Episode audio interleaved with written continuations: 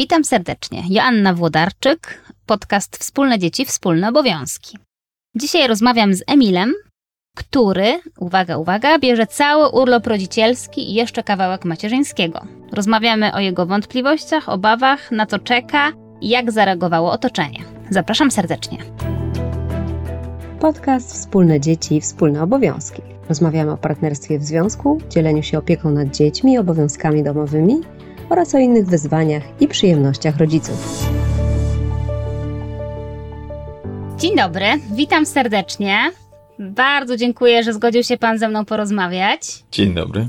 Cała przyjemność po mojej stronie. No więc na początek takie pytanie, jak to właśnie u Państwa jest z tymi planami związanymi z urlopem rodzicielskim, bo rozumiem, że niedługo spodziewają się Państwo dziecka. Tak. Nawet specjalnie wczoraj żonę to pytałem, co to dokładnie za data. Około 5 grudnia spodziewamy się porodu naszego syna.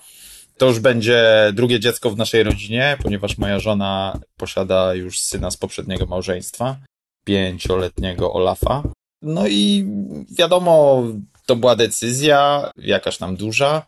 A jeżeli chodzi o ten urlop y, rodzicielski, to w sumie wyszło później. Nie od początku były takie plany.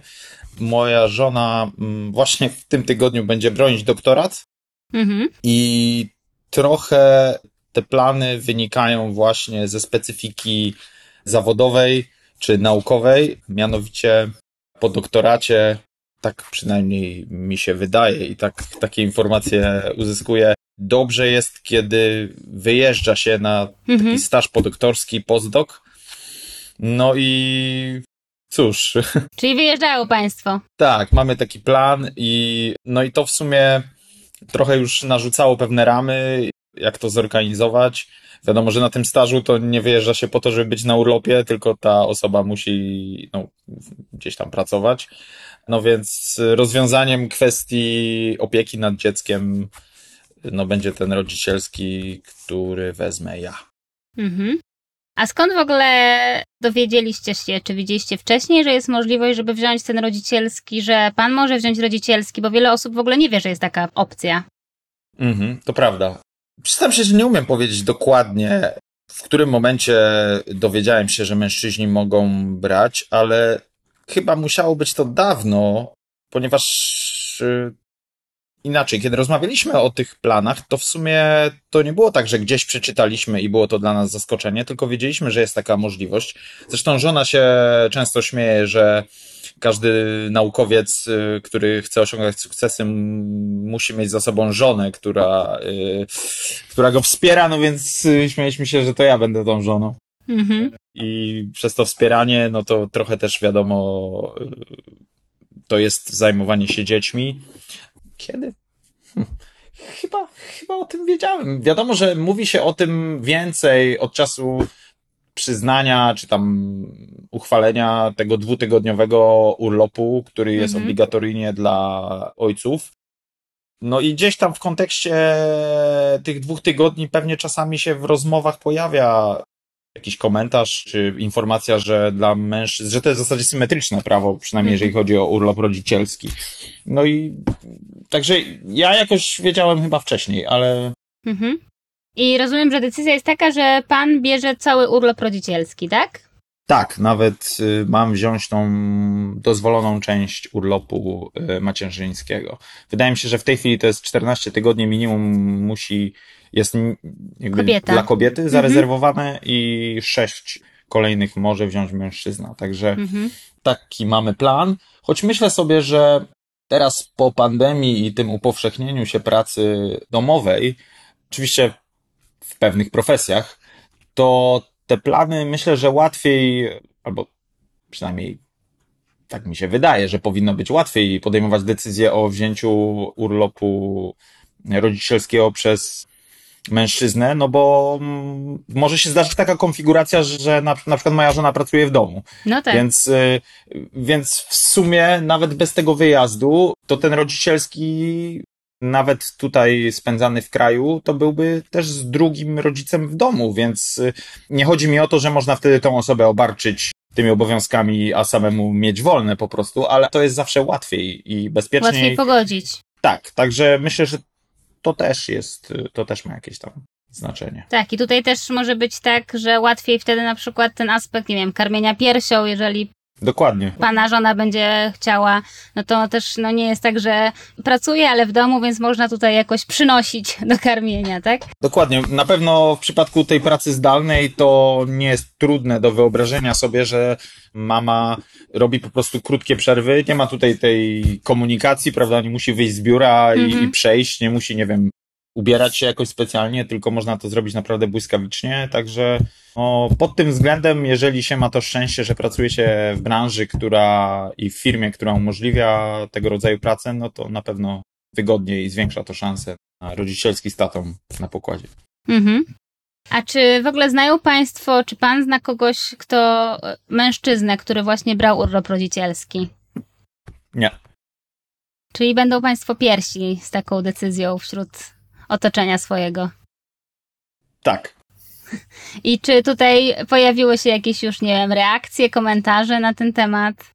Myślę, że, że jeżeli już, to te reakcje y, są humorystyczne, bo ja pracuję w takiej mm, konserwatywnej branży, jestem inżynierem budownictwa i raczej wszyscy w kontekście tego planu to reagują śmiechem, że to będzie na pewno szok dla, dla moich pracodawców. Myślę, że oni nie wiedzą, że to jest w ogóle możliwe. Czyli tutaj przebija Pan sufit po prostu w tej branży. Tak, no, no nie ma takiej tradycji, to jest mocno zmaskulinizowana branża i, i myślę, że to raczej ten aspekt y, raczej budzi gdzieś tam jakąś tam wesołość, a, a samo, a samo mm, myślę, że teraz wśród młodszych ludzi to chyba nie jest aż takie kosmiczne. Pewnie dla ludzi, którzy są starsi ode mnie, ja w sumie taki młody też nie jestem, bo mam aż 37 lat. Ale, ale gdzieś tam wśród ludzi plus 10, plus 15, to to na pewno może budzić jakieś takie większe zdziwienie, ale też myślę, że chyba nic negatywnego. Mhm. Chyba myślę, że w ogóle myślę, że żyjemy w takich czasach, no bo w sumie krążymy naokoło, powiedzmy, na- nazwijmy to po imieniu, to jest jakaś tam kolizja z pracą, prawda? Z karierą, z pracą. Myślę, że żyjemy w takich czasach, w których ma miejsce taka zmiana podejścia do tej sfery i szczególnie w tych latach 90. i, i po 2000 ta praca była jednak tą bardzo no, taką pierwszoplanową wartością. E, Czy to z uwagi na, no, na pieniądze, czy to z uwagi na, na ten pęd do kariery i jakiś taki, jakieś takie oczekiwanie otoczenia i w ogóle budowanie swojej wartości na podstawie swojej kariery, czy, czy na podstawie po prostu, nie wiem, stanowiska, czy satysfakcji z pracy. A teraz myślę, że gdzieś tam w toku rozwoju cywilizacyjnego naszego społeczeństwa, no to zaczyna się dostrzegać te kwestie pozapracowe. I stąd myślę, że jest to większe zrozumienie. Mhm. Że praca już nie jest na pierwszym miejscu. Tak, wiadomo, że no, bez tego nie da rady, ale, ale że to jest tak, że, że chcemy jeszcze poświęcać też czas na znaleźć jakby ten work-life balance. Tak. Mhm. No tak. A właśnie, czy ma Pan jakieś obawy związane z tą rozmową z pracodawcą na ten temat? Czy że będzie Oczywiście. jakieś, tak? Aha. Oczywiście. No, nie oszukujmy się, y, to jest pewien kłopot dla pracodawcy. Ja to rozumiem. Jesteśmy, przynajmniej ja tak się postrzegam, jesteśmy pewnym zasobem y, pracodawcy, tak, human resources, brzydkie, ale tak to niestety często działa. No i kiedy ten pracodawca jest pozbawiany tego zasobu, musi w jakiś sposób ten wakat uzupełnić, to zawsze jest ryzykowne, prawda, bo nigdy nie wiadomo, ten nowy człowiek, e, czy się sprawdzi. Wiadomo, że jakiś wysiłek trzeba poświęcić, żeby to zastępstwo znaleźć.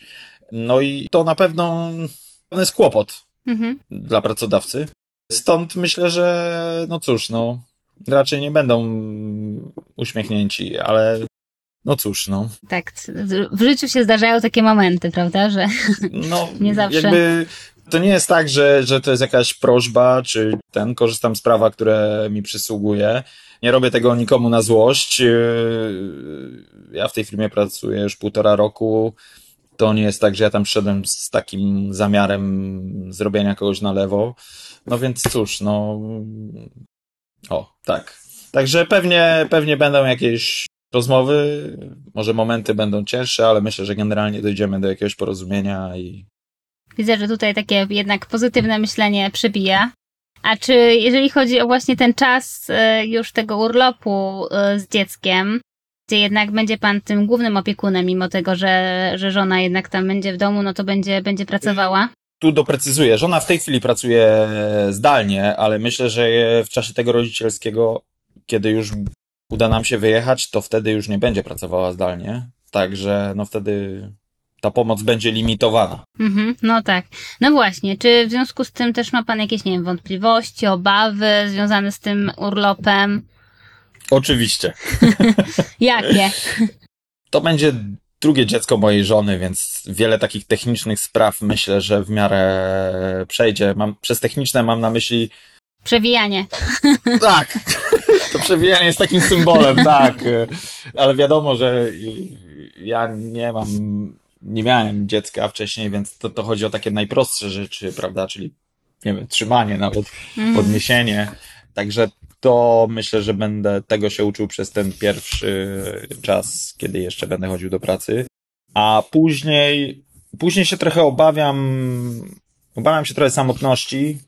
Mm, myślę, że to jest, y, przez samotności nie do końca mam na myśli brak drugiego człowieka, jego obecności, co bardziej, wiem, że to zabrzmi tak górnolotnie, ale mam na myśli taką stymulację intelektualną, w sensie, że człowiek, e, myślę, że to jest taki problem wielu kobiet, prawda? No bo mhm. to one w 99% e, po prostu to jest normalny problem człowieka, który funkcjonując gdzieś tam w społeczeństwie, mm, pracując, ale nawet nie pracując, no to on spotyka się z tymi ludźmi i w ramach czy to pracy, czy to tych codziennych y, jakichś tam czynności, a to wczesne rodzicielstwo jest takim okresem, myślę, takiego trochę odseparowania mhm. i tego się trochę boję, bo szczególnie jeżeli wyjedziemy, no to nie będzie po prostu bliskich, znajomych czy rodziny, no i wtedy jest się samemu z tymi dziećmi. Myślę, że niektórzy radzą sobie z tym lepiej,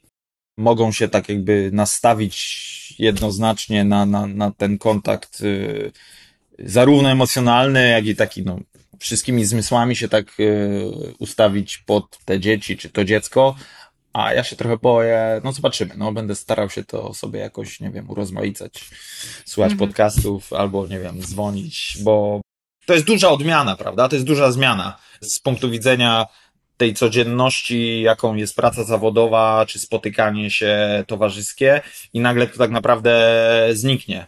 I mhm. Wiadomo, że to nie jest kwestia tam drugiego czy czwartego tygodnia, ale gdzieś tam w siódmym, ósmym miesiącu wyobrażam sobie, że będzie celebrą y, rozmowa z innymi rodzicami na placu zabaw czy w sklepie choć jak będziemy za granicą, to może być trudniej nawet tu, także. No tak. Nie, no to myślę, że to zupełnie uzasadnione obawy. Też dobrze, że już Pan o tym myśli, jak się do tego przygotować, bo faktycznie, no, nie wiem, z mojego doświadczenia, czy właśnie innych osób, które przebywają na takim urlopie, no to jest, jest to wyzwanie. Ale też tutaj mogę jedynie poradzić, jeżeli mogę cośkolwiek poradzić, to że może są, będą tam jakieś grupy rodziców, którymi można się właśnie spotykać regularnie, to zawsze takie poczucie trochę bycia w podobnej sytuacji, właśnie czy możliwość porozmawiania, to, to zawsze trochę pomaga, ale nie wiem jak to będzie, bo jeżeli to za granicą, no to może być właśnie trudniej. No właśnie. ale tak, trzymam taki... kciuki mocno i polecam podcasty. Można z nami pisać. E, a czy jest coś takiego, na co pan szczególnie, nie wiem, czeka, cieszy się w tym okresie? Jakieś takie właśnie. Myślę, że y, w sumie mogę wymienić to, co w poprzedniej naszej wymianie zdań było tą największą obawą, no to ta zmiana. Ja już tam kilkanaście lat pracuję, to będzie pierwszy taki dłuższy okres, kiedy nie będę pracował. No w sumie jestem ciekaw. To będzie też taka forma trochę odpoczynku, takiego, mam na myśli nie oczywiście fizyczny odpoczynek, tylko taki odpoczynek y, psychiczny. I tego jestem ciekaw jak to na mnie wpłynie. Mhm. No a drugie, może nawet pierwsze powinienem powiedzieć, e, to jest. Ja na ten moment nie potrafię sobie wyobrazić, jak to jest być rodzicem, więc taką, powiedzmy, że optymistycznym jakimś takim niepokojem czy poruszeniem czekam na tą zmianę, która, mhm. zadzieje się. O tak, jestem powiedzmy, że trochę tym, takie entuzjastyczne wyczekiwanie to jest. Mhm.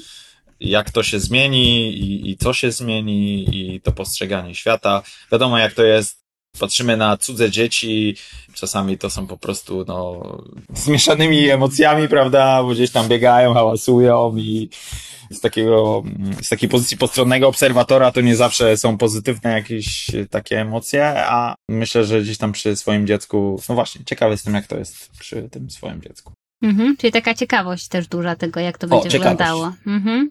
Dokładnie. Super.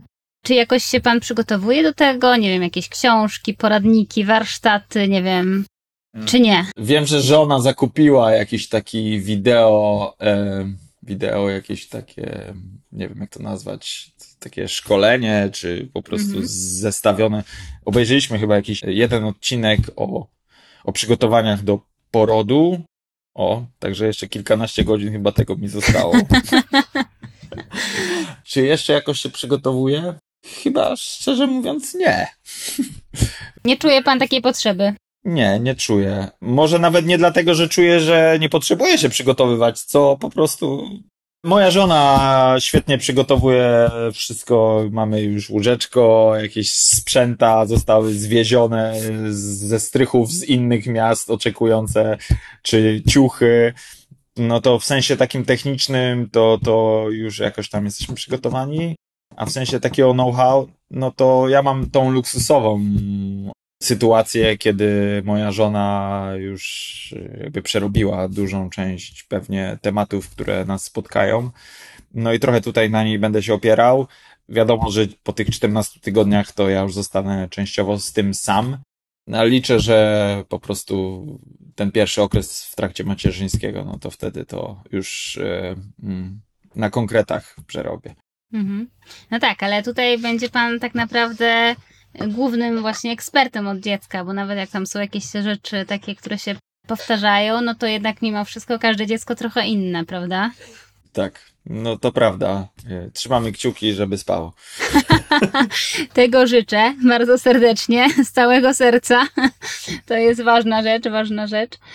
No a jeszcze tutaj chciałam zapytać, bo tutaj rozmawialiśmy o otoczeniu, pracy, a jak e, rodzina tutaj do tego podchodzi? Bo też rozumiem, że będą Państwo za granicą, więc też nie będzie tutaj wsparcia, nie wiem, dziadków. Jedna babcia zarzeka się, że będzie nas odwiedzać, bo choć z drugiej strony ona planowała emeryturę, a nie wiem, czy ostatnio się to nie zmieniło, więc może jednak, y, że jednak ten plan spali na panewce.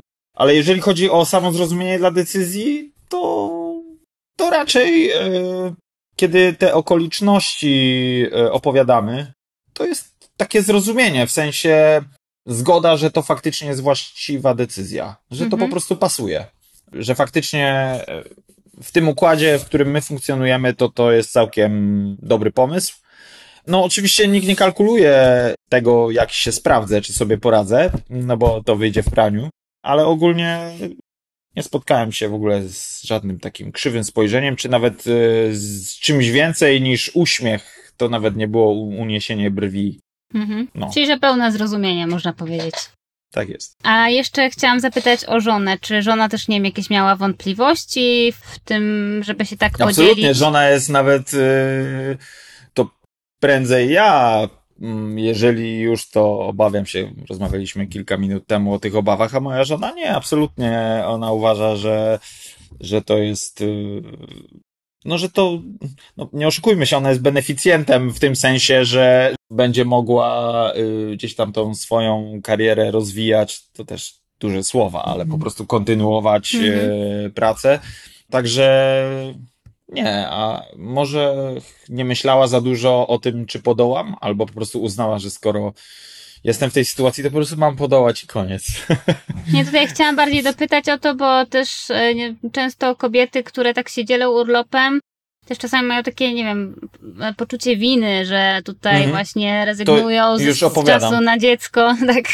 Moja żona dość szybko też wróciła po okresie Mm, zajmowania się swoim pierwszym dzieckiem. Wiem, że gdzieś tam już w okolicach piątego miesiąca wracała do, do swojej pracy naukowej i wiem, że wtedy Olaf zostawał z babcią i Myślę, że ma to tak poukładane w głowie, Mhm. że, mm, no, że po prostu po pierwsze temu dziecku nie dzieje się krzywda, a po drugie, no, że jest taka potrzeba i, i po prostu Mhm. Super. Bardzo dobrze to słyszeć, że tutaj mają Państwo takie podejście, bo właśnie no, czasami się zdarzają takie różne wątpliwości, które no, trochę też pewnie są narzucane przez otoczenie, może dlatego, że tutaj widać też duże jakieś zrozumienie dla tej decyzji, prawda? A jeszcze chciałam zapytać o te 9 tygodni, które ma być dodatkowe, miejmy nadzieję, niedługo zostanie wprowadzone. To rozumiem, że te 9 tygodni wtedy gwarantowane drugiemu rodzicowi przez, e, przez dyrektywę Work-Life Balance, to będzie tym razem dla żony. Tak, ale obawiam się, że w wariancie, który planujemy, to chyba nie zdecydujemy się na e, skorzystanie z tego świadczenia, właśnie z uwagi na ten staż mojej żony. I, Mhm. i podejrzewam, że po prostu nie skorzystamy. Chyba, że, y, bo ja nie wiem, w jakim okresie jest do wykorzystania ten, to 9 tygodni. Wydaje mi się, że to do drugiego roku życia jest. Ale w tej chwili już też nie pamiętam, czy tam jakieś zmiany nie były kolejne. Okej. Na ten moment raczej myślę, że, że nie skorzystamy właśnie z uwagi na to, że, no, że w przypadku Że nie tej można pracy za przerywać granicą. tego stażu, rozumiem. Mhm. Tak, no ale tak, czy myślę, inaczej że- ma te 14 tygodni macierzyńskiego na samym początku, tak? Więc- Dokładnie. Zresztą niewykluczone, że może się okazać, że część tej pracy stażowej też będzie jakoś tam elastyczna i uda się jakby pozostać w domu w trochę większym wymiarze niż wynikałoby to z godzin pracy takich normalnych. Tak, tak myślę, że, że tak to będzie. Choć oczywiście w tym odwrotnym układzie, nawet wczoraj chyba rozmawiałem, byliśmy u koleżanki, rozmawialiśmy o tym, no to też podsumowała to, że w, że w przypadku tych 70% Wynagrodzenia. wynagrodzenia to będzie trochę mało, żeby. Szczególnie wiadomo, że 70% y, wynagrodzenia, to jakby ja tak na to patrzę, na tą kwotę, że w przypadku ludzi, którzy nie zarabiają jakoś tam wyraźnie powyżej średniej, to kiedy tak naprawdę pomyślimy o wynagrodzeniu w kontekście dochodu rozporządzalnego takiej osoby, no to to 30% znikające to tak naprawdę to może nawet nie być kwestia decyzji wolnej tej osoby, tylko taka para po prostu często nie może sobie pozwolić na tego typu obniżkę dochodów, bo to 30% wynagrodzenia całości to w przypadku podzielenia tych pieniędzy na te, na te wydatki sztywne, typu mieszkanie, media, samochód, no to 30% brakujące to po prostu mogłoby zabraknąć. Szczególnie w okresie, no kiedy to dziecko nie ma roku i te wydatki wiadomo, że są troszeczkę wyższe, to to może być bariera, która będzie powodowała, że wiele osób się nie zdecyduje, a tak naprawdę wyjdzie z tego benefit y, dla ludzi, którzy dobrze zarabiają i którzy po prostu mogą potraktować, y, no, że to jest jakaś tam cena, którą są gotowi zapłacić albo którą mogą zapłacić po prostu. Mhm, tak, no. My tutaj jako Fundacja Sherdecker cały czas próbujemy przekonać, żeby to było więcej niż te 70%. Mhm. Może się Mhm. uda. To wtedy na pewno, na pewno będzie łatwiej się decydować, niezależnie tutaj, czy to mama, czy tata. No bo to rzeczywiście jest no, dosyć mało, szczególnie przy obecnej inflacji i wzrostu cen różnych. Tak, nałożywszy na to jeszcze różnice w średnich wynagrodzeniach kobiet i mężczyzn i, i tym wariancie podstawowym, w którym mówimy o 70% osoby, która bierze 9 tygodni, czyli ten drugi rodzic, czyli oczywiście mężczyzna, no to mówimy o obcięciu większych 30% z dwóch wypłat, prawda? O ile Mhm. oczywiście w ogóle kobieta pracuje. Także Mhm. no cóż, trochę wychodzi z tego benefit dla ludzi lepiej zarabiających. O. Tak, choć też jest tak, że na pewno ci więcej zarabiający jeszcze mają taką perspektywę, że więcej tracą. Ale tak, no e, na pewno. Tutaj jeszcze sprawdziłam w międzyczasie, że chyba na, do szóstego roku życia ma być ten e, urlop rodzicielski O. do wykorzystania, więc może Państwo się jeszcze załapią później po prostu. Ale no Okej. to czekamy na ostateczną ustawę, więc e, na razie jeszcze nic na- do końca nie wiadomo. Więc to jeszcze na koniec chciałabym zapytać właśnie, czy Ma Pan jakieś takie przemyślenia, którymi by się chciał podzielić, właśnie dotyczące tego, nie wiem, jak zachęcać ojców do brania tego urlopu rodzicielskiego, jak w ogóle mówić o tym temacie, żeby tak właśnie więcej osób wiedziało, decydowało się na takie urlopy? Myślę, że tak naprawdę to ten zmiana tego procentu mężczyzn, którzy będą decydowali się na skorzystanie z tego, z tego świadczenia, z tej możliwości, to jest niestety suma działań, które tak naprawdę niekoniecznie są już na tym ostatnim odcinku, czyli ogłaszanie czy promowanie w ogóle możliwości, ale tak naprawdę to jest efekt edukacji czy promowania w ogóle innego modelu rodziny. W sensie to się dzieje cały czas, tylko to są procesy długofalowe, prawda? Kiedy ten model rodziny jest mniej tradycyjny, czy tam mniej taki, e, ten podział jest mniej konserwatywny, w którym mężczyzna ma zapewnić środki, a, a żona strzec e, ogniska domowego. Dokładnie. I kiedy to ulegnie zmianie, kiedy przestaniemy patrzeć jako społeczeństwo na te mm, czynności, także, nie wiem, to kobieta musi gotować, a mężczyzna wynosić śmieci, no to wtedy naturalnym będzie to, że ludzie, kiedy będą planować albo rozważać e, warianty, to łatwiej będzie im no, zdecydować się skorzystać e, z tego urlopu, czy, czy skorzystać w niego w innym niż ten domyślny wariant.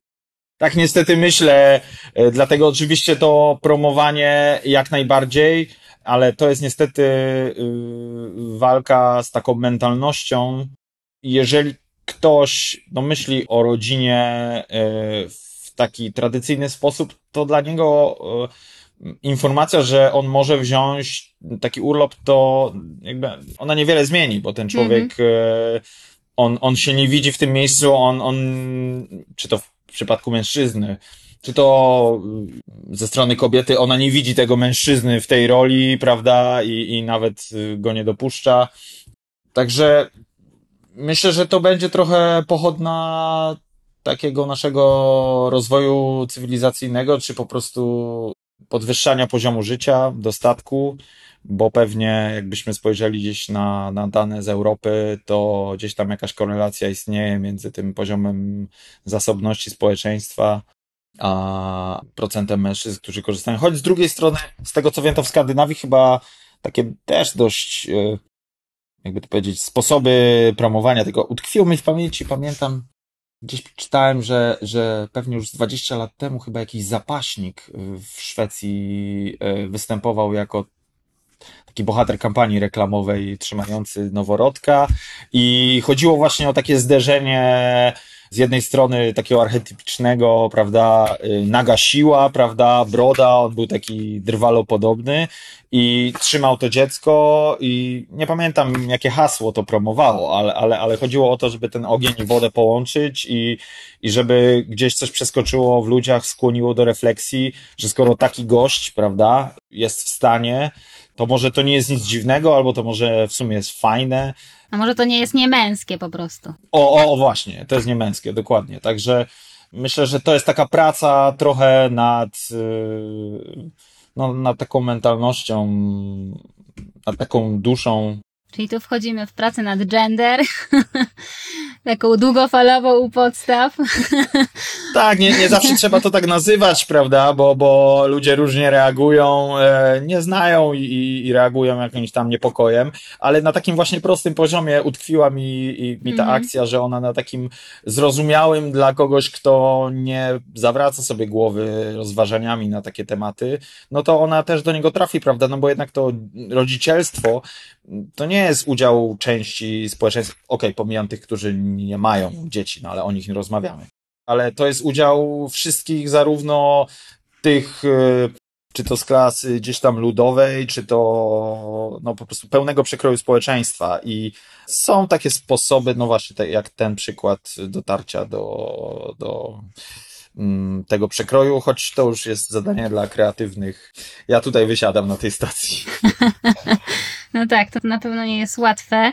My też właśnie staramy się tutaj uelastyczniać te role właśnie płciowe, bo też widzimy, że to jest jednak, jest jednak ważne, żeby o tym rozmawiać. A jeszcze chciałam zapytać, bo my też często mówimy o tym, że to, żeby tata zajmował się dzieckiem od samego początku i też miał dobrą relację i więź z dzieckiem od samego początku, to w ogóle też jest bardzo ważne dla dziecka i to się przekłada też na to, że dziecko sobie później lepiej radzi, ma właśnie, nie wiem, więcej osób, do których się może zwrócić o pomoc, czy po prostu właśnie mniejsze ryzyko różnych, nie wiem, zaburzeń zdrowia psychicznego. Czy to jest coś takiego, co nie wiem, też dla Pana jest jakąś taką motywacją? Czy o tym też Pan myśli, czy, czy nie bardzo?